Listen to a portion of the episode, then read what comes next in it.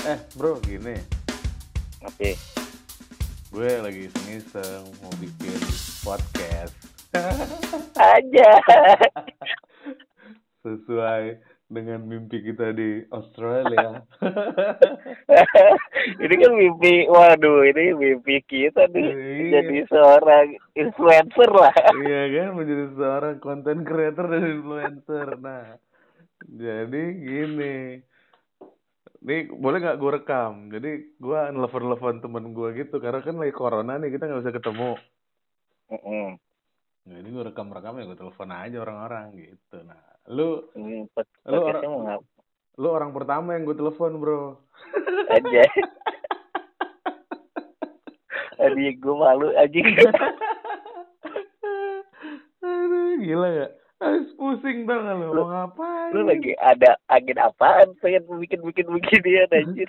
Gak pusing aja gua. Ngapain ya? Orang pada di rumah. Eh, podcast anjir. Ini mimpi. Iya. mimpi di Brisbane anjir.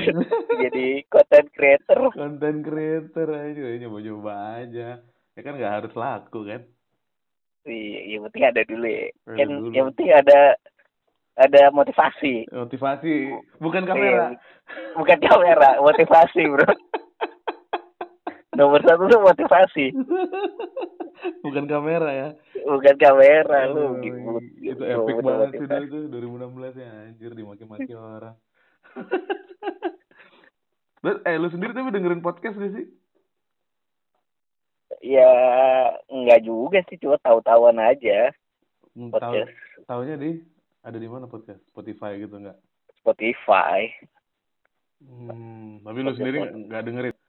Gue nggak dengerin sih. Gue gue tahu tahu podcast paling apa itu paling yang di YouTube juga podcast podcastnya Deddy Kobuser. Oh iya itu podcast di videoin. Iya, kalau podcast podcast gitu paling di Spotify, terus nanti ya gitu, gitu doang sih dari Spotify yang biasa gue denger. Gue ngeliat simpelnya aja sih kayak ya udah lu nggak nggak usah nggak usah pakai kamera, nggak usah apa udah tinggal bacot aja gitu kan. Yang penting kan apa yang lo omongin tersampaikan ke orang. Anjay, asik nggak? ya aja gue. Gokil, gokil. Gimana nih lo, apa corona Apanya nih? terdampak nggak kehidupan sehari-hari lo? Kalau sehari-hari sih dampak bukan yang gue bikin kesel terus corona sih ini sih ini sih kesempatan gue mencari kerja balik ke Singapura Wah, wah, Singapura lockdown bro. itu gue beberapa gue udah beberapa hari eh beberapa bulan belakangan tuh kan se- sempat masih ini kan masih suka apply apply kerjaan Hmm. ke Singapura dan ada beberapa yang udah mulai interested pas tahu gue di Indonesia wah ribet ngurusnya langsung Iya. Ada juga tuh temen gue Iya. yang kayak gitu tuh. Terus banyak juga dipecat sekarang men. di Singapura Bukan di Indo, di Indo. oh iya iya gue dan ini sih kan gue juga mau apa mulai ketar ketir karena kerjaan gue kan gue sekarang kan juga bukan permanen staff kan. Oh, oh. gue kontak staff. Nah beberapa dari kemarin tuh udah ada satu dua lah yang emang kontraknya habis. Karena lagi kayak gini ujung-ujung nggak diperpanjang. Oh iya tuh aduh. gitu. Untungnya sih kalau gue sih masih masih ada project yang gue kerjain. Jadi masih jalan terus kontrak gue cuma ya itu insecurity aja di sisi guanya Iya sih. Ya, serba salah sih. Perusahaannya juga pasti kesusahan untuk ngebayar kan, makanya dia PHK. Kalau normal-normal aja sih nggak mungkin PHK juga kan. itu karena kan sekarang kan kayak kan gue kayak lagi kayak gini project juga nggak banyak Iya. terus ya mau gimana apa project nggak banyak ada beberapa project jadi harus ke delay segala macam Iya. Lu oil and gas ya? Apa mining sih perusahaan lu? Kenapa? Perusahaan lu oil and gas atau mining sih lupa gua. oil and gas ininya Oil and gas. apa eh, vendor instrumen untuk oil and gas. Oh. Buset, oil and gas aja terdampak corona ya. Iya. Banyak. Itu gue yang gue rasain sih itu sih security buat walaupun maksudnya gue sekarang masih kerja ya cuma kan gue nggak tahu nih ke depannya gimana karena ya itu gue kan Iya. kontrak staff Tahun depan gimana gitu kan. iya tahun depan gimana Lo di, Terus, di ya, Singapura lanjut nggak? Nggak tahu juga kan. itu dan kalau gue mau lagi apa lagi peng apa lagi gencar-gencarnya gue pengen apply ke Singapura ya jadi ke hambat juga gara-gara ini. Karena kebetulan kemarin beberapa kali gue apply terus sempat dihubungin. Terus kayak dan di Singapura juga lagi lockdown gitu. Jadi gue nggak bisa ke sana untuk apa. Dan terus saya juga di Singapura juga karena lagi gini karena covid gini kan di Singapura juga banyak yang kena ya. Maksudnya pekerjaan. Jadi eh requirement-nya tuh mereka harus mempekerjakan Singaporean dulu baru bisa Iya, meng-hire foreigner betul betul. jadi prioritas jadi apa gua jadi masih jadi- sulit lah Ya, lu jadi lu jadi cadangan lah istilahnya gitu. Prioritas Iya, buat warga negara Singapura.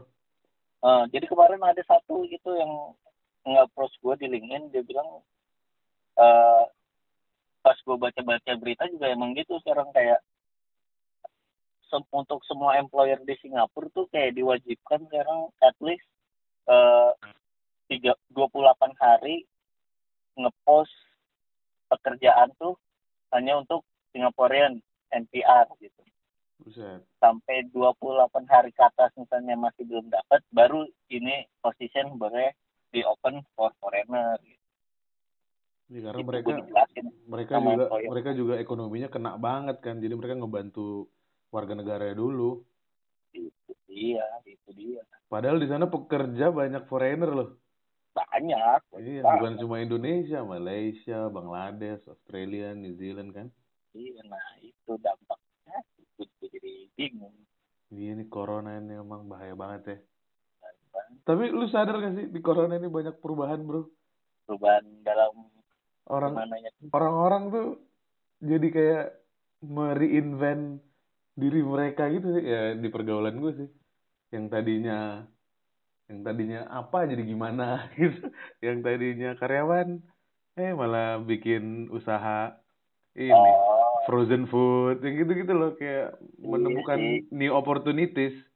benar-benar benar. banyak sih sekarang temen, temen gue juga yang eh apa mulai ya gitu jualan-jualan kebanyak kalau di lingkungan gue lah ya itu lebih banyak yang mulai nyoba-nyoba jualan makanan food gitu Iya, yang open benar. PO bikin salah satunya apa tuh peach gum yang kemarin kan lagi viral tuh ikut-ikutan ada yang bikin apa open PO buat peach gum lah Tapi ada juga bro yang bukan new opportunities, ada yang memang kena PHK jadi harus jualan pak.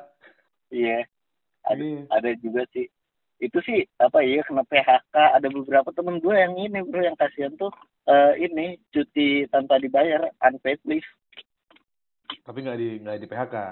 nggak di PHK coba lu juga bisa apa Iya, oh iya, iya juga. tadi ya. pak nggak ada penghasilan nah itu temen gue adalah yang ya gue kadang-kadang gue sama bini kan apa kadang-kadang ya suka bantu lah kayak ada temen jualan apa gue beli gue beli Eh, bini lu kan dokter kan? Bini lu dokter apa? ya? Dokter Dokter gigi. gigi ya? iya Bisa jalan bisa praktek emang dokter gigi? masih jalan Ih, bahaya juga tuh pak. Virusnya di mulut bukan? itu dia lebih bahaya lagi kan sebenarnya cuma ya kalau alam sih Iya. gimana harus kerja juga Iya kerja juga takut, ada yang di PHK, ada yang masih iya dipekerjakan tapi nggak dibayar, dicutiin. iya, makanya yang ada disuturin aja sih Iya, sebenarnya ada yang kerjanya 50-50, Pak. Dibayarnya juga 50-50. Iya, jadi masuknya setengah. Jadi masuknya kayak cuma tiga hari gitu. iya Tapi Terus dibayar. sendiri gimana bro Saya kebetulan udah fokus berwirausaha, Pak. oh iya Udah. Terus udah dari itu keluar udah nggak jadi bawahan Pak HT. eh gak usah disebut dong di di di podcast ini. Oh, nggak iya, ya. Lupa gua. udah bukan bawahan seseorang. Udah bukan. Saya berusaha aja sekarang pak. Makanya kita coba-coba bikin konten kan. Lu udah usaha. Lu apa ngapain bro?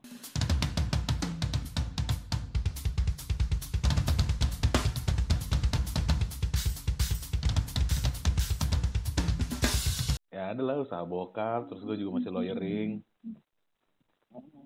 Tapi eh bini bini mah nggak kerja ya? Masih kerja apa gimana? Ini gue masih kerja lah. Dia kebetulan perusahaannya bagus Kerja. banget. Jadi Hmm. full, jadi full WFH. Terus nggak ada pengurangan, nggak ada pemotongan. Ya as usual aja. Malah ada penambahan buat pulsa sama internet. Oh, enak banget perusahaan kayak gitu. ya. Iya makanya. Nggak nggak semua peru ya sedikit lah perusahaan yang kayak perusahaan bini gue.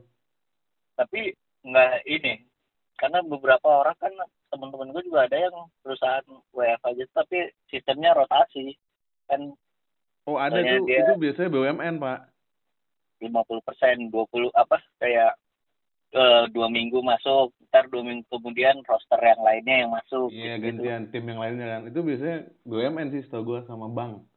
Iya iya. Ada ada iya iya. Bang. ada tim A tim B nya gitu kan? Iya iya iya iya. Iya benar. Gitu. Tapi eh, serba salah sih. Sekarang juga lu mau komplain juga susah. Per- perusahaannya juga terdampak. Eh tapi ada aja sih perusahaan yang nggak terdampak tapi ngaku-ngaku terdampak biar bisa PHK-in karyawannya ada aja bro. Anjrit.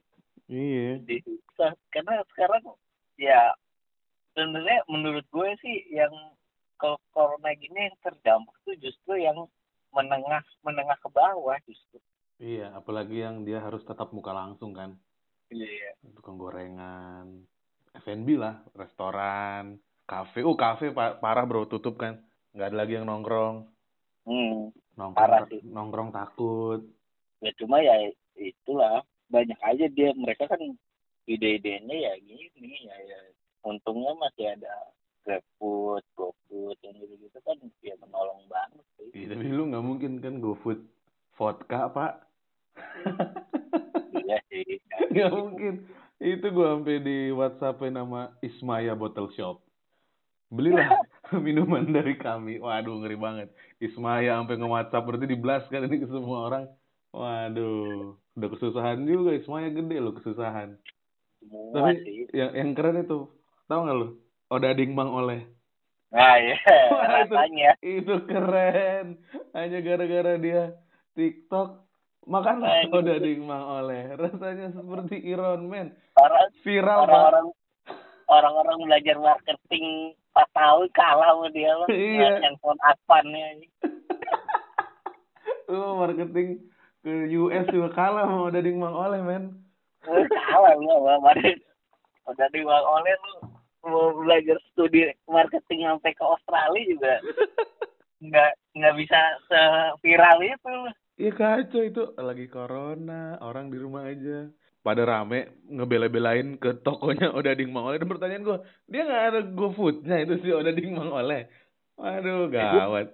gue denger ini berita ada berita di mana? Di radio apa gue di Twitter itu ada orang dari Kalimantan bela-belain dateng loh antri wah gawat kan tuh ilmu mar- ilmu marketing mana tuh pak dari Kalimantan coba Gila. Eh, ini di mana sih? Gila. Di, di Bandung apa di Bogor sih? Bandung Bandung Ke Bandung, buset. Dari Kalimantan ke Bandung. gila lagi corona eh bela-belain Iya, Pak. Odading kan, ya itu kue bantal kan. hmm. Udah gitu doang gitu. Kenapa lu harus penasaran, men? Tapi ya itulah. itulah. Mau jadi Iron Man pak iya, berarti banyak orang yang jadi Iron Man. Anjay. Rasanya anjing banget. rasanya anjing banget Aduh. Gawat. eh tapi gue dengan adanya corona sebenarnya gue ada sedikit ininya sih apa ada plus minusnya buat eh buat gue karena gue lagi baru kan kemarin gue lahiran malah lagi ini ininya corona cuy bulan Mei kemarin Lu lahiran kapan sih? April, Mei? Mei awal Mei Oh. itu lagi Uh, lagi iya lagi itu. marah lagi marak-marak itu bro lagi takut-takutnya tuh orang iya tapi ya apa pa- apa good side of story-nya jadi karena lagi corona gitu jadi nggak banyak apa dari ini rumah sakitnya pun jadi apa rulesnya kan nggak boleh dikunjungin kan Hmm. ya jadi ya ya untungnya ya jadi nggak banyak nggak jadi nggak terkontamin kontaminasi banyak orang juga nggak ketemu tapi lu orang lu boleh boleh ngelihat apa boleh ngedampingin bini lu lahiran? Nah tiap rumah sakit tuh kan punya aturannya masing-masing ya. Jadi ada teman-teman gue juga waktu lahiran yang di masa-masa corona ini ada yang nggak boleh ditemenin ada yang untungnya sih waktu gue sih rumah sakit gue nggak bolehin cuma cuma satu orang. Di gua waktu Oh. itu yang yang iniin. Lu masuk gua ke ke ruangan ruangan. Oh. Dan setelah lahiran pun emang di kamar di kamarnya tuh cuma boleh cuma satu orang. Jadilah itu ya maksud gue ya itu jadinya apa ada berkahnya juga. Jadi kan apa ya lebih intimida dan bini gue juga lebih istirahat karena gue dapet cerita dari eh, cerita seorang lahiran kan biasanya kecapean tapi sering didatengin banyak orang Iya. eh, selam- selamatin selamatin. Iya apalagi yang normal kan capek banget itu. Hmm, ibunya ibunya belum pulih bener tapi kan harus kayak iniin banyak orang ini gini untungnya kan jadi waktu pas gue eh, bini gue ya dapat istirahat cukup lah. Iya nggak nggak nggak nggak terdistract lah nggak keganggu. Eh, eh, nggak nggak banyak. Tapi lu lu ada ada rapid test nggak sih atau swab test gitu sebelum lahiran bini lu atau lu guanya nggak ada bini guanya tuh cuma apa rapid sama toraks atau waktu itu kalau oh terus karena bini lu negatif udah lu nggak di nggak di rapid lagi enggak Oh, cuma itu sih sekarang yang- temen gua ada yang baru lahiran tuh eh, kemarin tuh di swab coy Hmm. di swab ya sebelum lahiran Iya di swab, bininya di swab, eh, terus eh, lakinya di rapid. Biaya swabnya Oh. bayar sendiri, males banget kan? Nah iya gue juga Iya makanya. tapi, tapi sekarang kalau nggak tahu ya rumah sakit lain rumah sakit gue tuh sekarang di apa kalau setiap ke rumah sakit tuh ya jadi ada biaya tambahan coy Iya biaya APD juga kita yang bayarin, APD, APD. dokter. Iya APD dokter kita, kita yang nanggung anjrit makanya. Padahal itu APD dia pakai seharian apa tiap ganti Iya, pasien ganti kan kita dari- nggak tahu. dari pagi sampai sore kan kita nggak tahu dia pakai itu Makanya. Tapi Iya. Kalau dia pakai, taruhlah dia dua kali ganti, dua APD, dua masker. Tapi kan pasiennya ada berapa? 10, 20. Tapi semuanya bayarin itu. Wah, culas sih, Iya. rumah, rumah sakit kurang asem. kurang asik itu sih gue waktu eh gue kan sekarang tiap bulan vaksin kan anak gue Oh iya, iya masih bayi. wah itu gue paling enak anjir bayarin APD lagi Tapi oke, eh, teman-teman kita nggak tahu keadaan tentang APD di rumah sakit rumah sakit, jadi jangan dengarkan tentang kita. Kita nggak tahu apakah emang itu dokternya ganti tiap beda pasien kita nggak tahu. Tapi ya pengalaman kami, gue juga kan bini gue lagi hamil, gue cek dokter mulu. iya tiap lu Iya. sekarang oh iya kalau cek dokternya tuh ini gue bayarin, gue bayarin APD-nya. Cuma tiap gue datang, gue perhatiin dokternya nggak pernah gantiin tuh APD. emang Jadi gue lihat apakah ini kita tanggung renteng ngebayarin APD-nya dia atau gimana sistemnya gue juga nggak paham nih. Karena gua- tiap gue masuk dia nggak pernah ganti APD dan gue tanya, dokter ganti nggak? Oh nggak, belum belum ganti gitu. Nah jadi kenapa gue harus bayarin ya? Itu menjadi tanda tanya sih sekarang. itu kayaknya setiap rumah sakit kayak gitu deh sekarang nggak tahu ya Gue Kalau menurut- ya gue dua rumah sakit dua-duanya gitu. tapi ini nggak jadi ngaruh nggak ke jadwal lu untuk apa cek dokter. Karena gue waktu itu kan udah bulan-bulan ter bulan-bulan terakhir sebelum bini gue lahiran tuh mulai marak tuh kan corona. Itu gue jadi susah banget apa dapet jadwal dokter. Sampai makanya gue pindah rumah sakit. Oh, nggak tahu sekarang apakah udah mulai kendor apa gimana. Apa kayak jadi dulu tuh kan gua kalau nggak salah eh, apa setelah empat minggu ketemu lagi atau dua Ya. minggu ketemu. Ya nah waktu itu tuh gue sempet sampai berapa minggu nggak ketemu karena itu dok jadwal dokternya di jadi berantakan apa gimana gitu susah. Nggak tahu kalau lu gue sih sekarang sih enggak enggak enggak menemukan kesulitan itu. Cuma gue Ya, takut takut aja rame. Kalau siang tuh udah mulai rame kan rumah sakit. Iya iya. Jadi gue selalu datang pagi. Ya orang-orang kan Sabtu Minggu kan males sekali bangun pagi ya. Jadi gue pagi aja. Lebih sepi sih pagi emang. Iya sih sekarang justru malah takut kalau ke rumah sakit iya gue takut kan Oh. ramenya gitu oh rumah sakit sih gue kemarin si bini gue sempet ini kan sempet sakit lah demam Hmm. cuma demamnya karena emang sebelumnya dia ini apa mencret mencret tipes Buset. sempet Heeh. terus gue ke malam-malam tuh demam panas eh apa badan panas gue ke rumah ke emergensi jadi kayak karena demam jadi di, di rumah sakit tuh kayak punya dua emergensi gitu jadi kalau khusus yang buat emergensi yang demam dan batuk dan segala macam oh sama gejala covid Iya mungkin yang satu lagi emergensi biasa. Yang gua kan nggak tahu kan awalnya gua ke yang emergensi biasa ini sama istri gua kan dem- karena demam gini awalnya mereka nggak jadi apa nggak nerima. Eh jangan ke sini kamu harus ini harus gini karena demam gini. Gini gua kan di, di, ditolak sama rumah sakitnya apa emergensinya yang nolak? Sama emergensinya. Oh. disuruh pindah ke emergensi yang sebelah yang emergensi dua. Iya. Bahkan gua juga jadi takut kan maksudnya Ya iyalah masa lu Kalau kayak- datangin datangin ke tempat orang yang terindikasi positif gitu. Iya kan, bini gue udah nerangin saya demam bukan karena apa gejala covid kok dok, katanya sus ini gini gini. Saya karena kemarin habis tifus, ini mungkin apa gejala setelah tifus ini malah jadi demam, pengen ngecek doang ini. Tapi ini Hmm. saya yakin nggak apa bukan bukan gejala covid lah, untuk nggak mau dan ya udah kita dengan ini ya udah ya udah saya kita ke kan sebenarnya malah jadi takut ya malah jadi ke tempat kumpul orang yang banyak kena apa di malah yang apa kayak yang Iya, lu datang ke orang yang gejala covid gitu loh. Padahal lu- iya padahal ya, bini lu, bini lu tahu, dokter, karena- bini lu juga tahu dia bukan karena gejala covid. iya sampai waktu pas sebelum mau pindah ke emergensi keduanya itu bini gue mau ke toilet aja nggak boleh anjir Alasannya?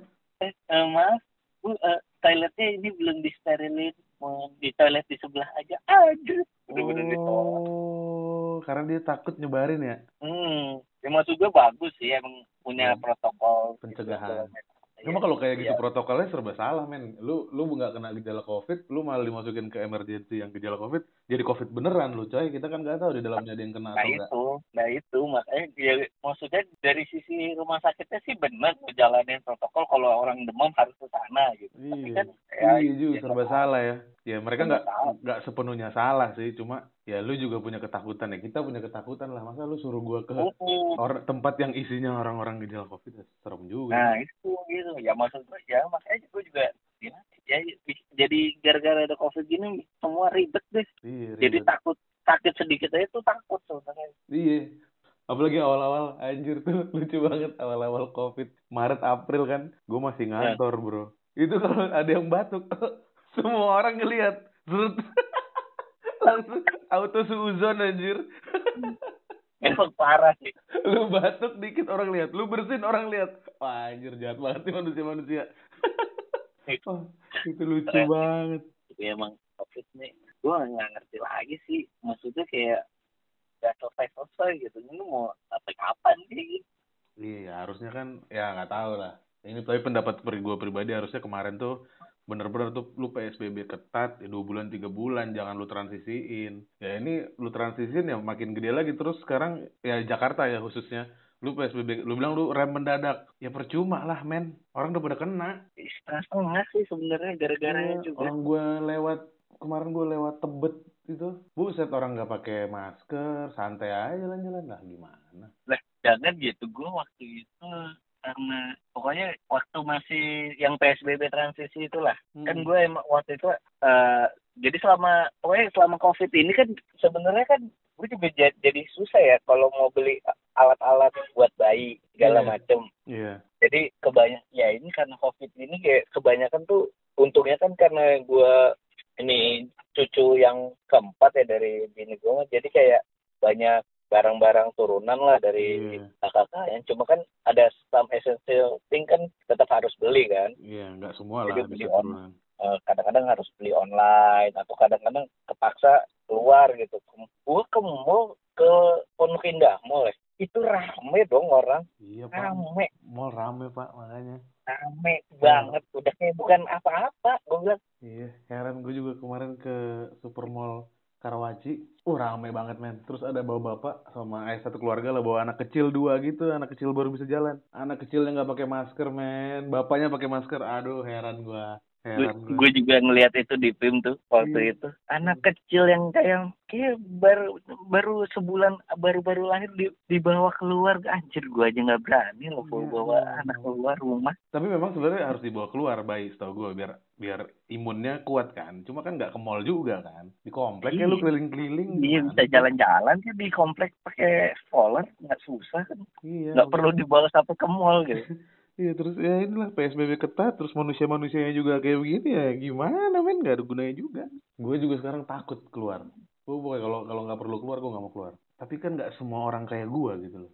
Jadi gue yang mencegah orang-orang yang nggak kayak gue jadi membahayakan gue dan orang lain kan. Hmm, tapi jujur gue sampai apa sempat mikir sampai di titik jenuh kayak anjir orang juga udah nggak peduli ngapain gue harus peduli gitu tapi kalau lu nggak peduli lu mati men. Baru punya anak jangan dong. Nanti lu kena covid Nggak. liwat nggak gitu. maksud gue nggak peduli kayak PSBB gitu tetap keluar keluar gitu kayak anjir orang-orang pada keluar gue kenapa gue juga maksudnya jadi makin lama gitu loh kayak jadi jadi nggak ada gunanya kan. Lu ngerem orang Iya. ngerem. iya anjir gara-gara orang lah maksudnya gue udah stay di rumah nih tapi orang lain masih keluar Iya. Anjing buat apa gue dari kemarin stay di rumah mending gue ikut keluar aja kayak mereka. tapi kan bahaya pak. udah capek gue bilang kayak gini. Sampai di titik di mana kayak anjir. Sampai gue sering loh kadang-kadang kayak nontonin nggak ada kerjaan nontonin kayak di YouTube gitu-gitu. Ini tuh konspirasi lah ini tuh bohong Iya, lah. iya. hoax. Sebenarnya nggak nggak semenyeramkan itulah gitu. Tapi enggak lah gua gua lebih baik mencegah gua daripada mengobati belum siap gua diisolasi di rumah sakit nggak mau gua iya gue juga gue benar-benar sebel sih waktu covid ini karena aduh Iya. kesempatan banyak yang ini kayak gue baru punya anak juga jadinya di rumah jadi nggak ya itu nggak bisa ajak jalan yang kan kata lu emang harus keluar kan anak kecil apalagi Mm-mm. biar tuh apa nggak kagetan nantinya gedenya nggak takut sama nggak kan gue jadi nggak apa anak gue paling ketemu cuma ketemu keluarga inti doang. Belum pernah ketemu orang yang kayak gini. Jadi nggak pernah rame-rame gitu. Jadi takutnya kan nanti giliran udah selesai semua kaget ketemu orang banyak gitu-gitu yang gitu. Iya. kan nggak nggak ada adaptasinya gitu. Ya tapi ya nggak mungkin lu bawa keluar juga men. Ya, ini musibah iya kan? Nggak bisa lu bawa keluar juga ngeri coy. Anak bayi lu bawa keluar. Iya. Yang kasihan sih adik gue sih gara-gara corona itu kemarin. Wisudanya online anjay. Adik lu masih di Australia apa udah pulang? Bukan adik gue yang satu oh adik gue yang itu udah balik. Cuma adik gue yang paling kecil kan kemarin baru kelar nih kuliahnya. Heeh. wisudanya online. Nggak nggak nggak berasa wisuda ya online. Udah wisuda online. Terus ya apa waktu itu dia bilang dia sidangnya apa gimana waktu itu juga online ya. Anjir. Ya, tapi enak lah Agak- sidang sidang online mah enak. Tekanan Iya, tekanannya nggak nggak sebesar tekanan kita Agak- sidang biasa coy. Kagak ada ininya banget dia kagak ada tantangannya banget tuh Eh, gregetnya nggak dapet deh di santai aja di iya. le- lewat komputer. Lulus lulus aja. Komputer lewat laptop. Aduh jadul banget bahasa gue tua banget. Aduh. Coba tapi kita, kalau kita menurut perkiraan lu ini kapan bakal berakhir? Wah kalau gue bilang sih ini bisa sampai tengah tahun depan ya iya iya soalnya gimana lu kapan sih katanya vaksinnya bisa produksi Januari ya Mas ingat gue akhir gue tahun katanya baca berita tuh ya kalau nggak akhir tahun Januari kan baru bisa produksi. Nah habis produksi kan dia mau distribusi, distribusinya berapa lama? Terus kan nggak bisa semua orang kan, yang lansia kan nggak bisa nerima vaksin sama yang di bawah umur berapa gitu nggak bisa vaksin. Hanya ber- berarti kan hanya gap umur tertentu kan yang bisa vaksin. Berarti kan ada sisa orang-orang yang nggak divaksin gitu loh. Tetap berbahaya juga menurut gue jadi ini bakal lama coy. Jadi ya sebenarnya lambat laun ya. Pasti ya, akhir tahun orang-orang akan live with covid akan menjadi new normal beneran. Lu akan akan menjadi udah lumrah. Jadi kayak kena batuk kena covid kayak oh kamu covid. Udah kayak lu kena flu aja gitu jadinya. Iya. Tapi bener loh. Karena mungkin nggak tahu ya karena kelamaan ya kali ya ini udah di rumah gitu. Kadang-kadang kayak bokap gua atau kayak sampai bini gue juga udah kadang-kadang kayak udah apa menurun gitu level ketakutannya kayak Iya, dulu iya, awal-awal bini gue parnoan banget cuy sekarang kayak anjir ya udahlah gitu kayak kayak apa ya? Kayak lebih lebih udahlah pasrah gitu kan? Eh, eh, kayak udah jenuh gitu loh. Iya jenuh itu Dulu- itu, itu bahaya sebenarnya tapi ya ya gimana manusiawi sih. Manusiawi. kelamaan ya udah gimana udah jenuh udah udah bodo amat gitu jadinya kan? Iya dulu jadi dulu yang contoh kecil aja kadang-kadang nih kalau mis- dulu tuh kayak gue kayak keluar gitu ke Indomaret gitu ke Alfamart gitu hmm. pulang gue harus mandi gitu. Padahal Nah, cuma sama. sebentar.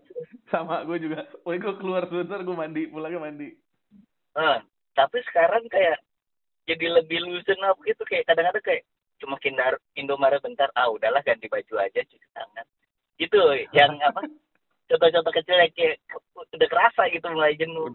Nah, bokap gue gitu. Karena dulu masih takut takut takut. Sekarang kayak udah.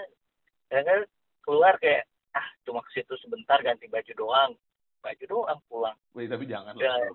Jangan lah tetap mandi lah bro. Bahaya bro. Lu nggak tahu ada di rambut atau di baju lu bro. Nah maksud gua itu apa kayak kebiasaan-kebiasaan kecil yang udah mulai memudar ya udah mulai nggak takut gitu. memudar gitu. Jadi itu yang gua alamin kadang-kadang. Padahal gua di rumah juga ada baby kan.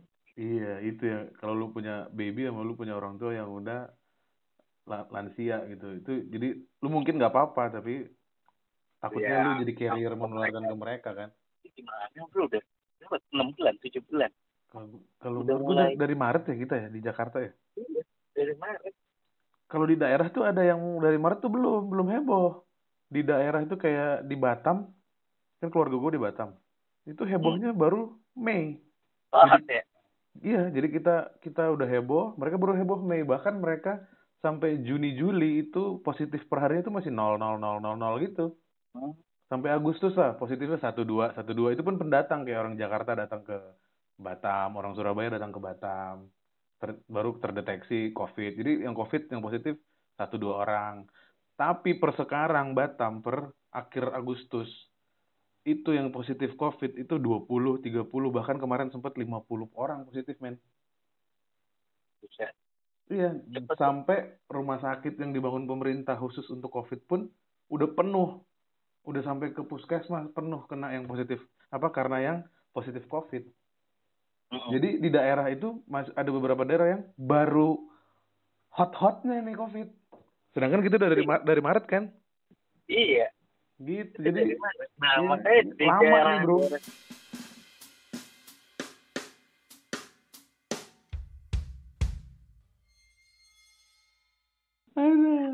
Ya inilah salah satu pengaruh COVID juga. Gua bikin podcast coba. Gila gak lo? Oh, iya kan. Lu kalau nggak ada nggak ada keadaan gini, mimpi kita kayak gini nggak jadi kenyataan bro. Jadi kenyataan men, asli. Ini, ini semua tekanan karena COVID.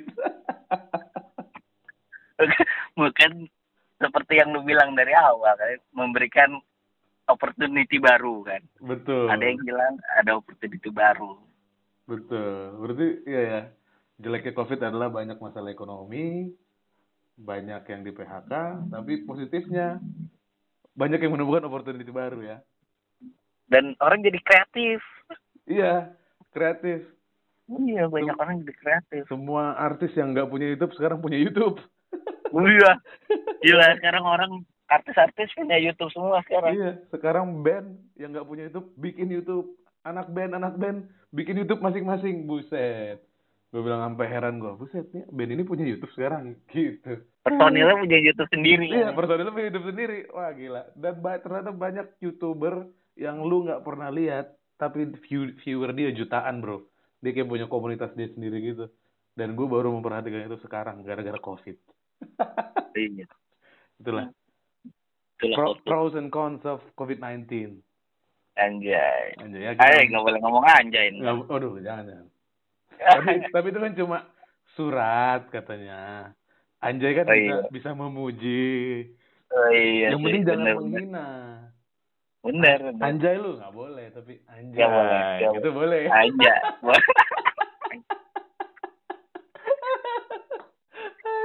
aneh loh, ini ada aja yang bikin. Ya itu. Ya, itu. Ekor anjay ya. itu kasar, nggak boleh. Nggak boleh kalau itu ya. Nggak boleh tuh. Wah, gila keren banget lu. Anjay. Ah, itu kayaknya boleh. Nah, itu boleh. Tapi itu sekarang, tuh. sekarang lu berarti orang-orang ganti jadi anjim. Anjim, anjim. Iya, di sosial media gue liat bikin semua jadi anjim, anjim. Waduh, ini apalagi nih anjim nih. Memang ya, netizen ini kreatif-kreatif semua. Lu masih masih di klinik? Masih. Ini nungguin.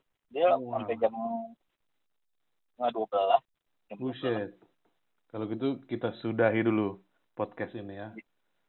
Ya, Teman-teman, ini podcast pertama saya. Adapun kekurangannya mohon maaf. ya, kalau juga nyoba-nyoba ya. namanya juga nyoba-nyoba. Ya, tapi... Narasumbernya juga nggak kompeten, mohon maaf. Tapi nggak apa-apa. Ya namanya juga berkreasi itu kan nggak ada aturannya. Tetap berkreasi. Ada yang nggak suka, ada yang suka, ya itu wajar. Ya nggak? Iya. Tuh.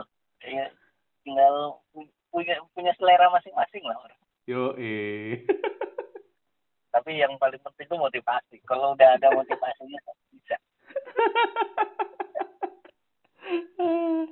Itu 2016 gila 2020 pak udah empat tahun kita kenal Empat tahun. Lu, aja butuh empat tahun untuk mendapatkan motivasi itu kan? iya gila ya anjay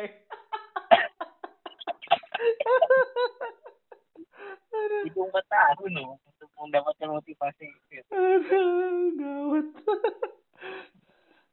Aduh, ya udah Pak, coba gue mau ngedit ini dulu. Ntar gue kabarin kalau udah gue upload ya. Siap, siap. Siap, thank you ya. Yo, yo. Thank you banget. Nanti kita bikin podcast lain. Iya. Mudah-mudahan kelar kelar di pandemi. Iya, mudah-mudahan kayak seminggu eh sebulan dua bulan ntar ada yang nge-DM gue mau ngendorse. Endorse. Makanya gue bilang, yang penting sekarang niat aja dah dan motivasi. motivasi nomor satu tetap motivasi itu gak bisa dihilangkan dari rumus itu. iya, gak bisa dihilangkan. Aduh. Ya wes, ya wes, thank you bro. Siap siap. Bye bro, thank you bro. Yo, thank you bro. Yo.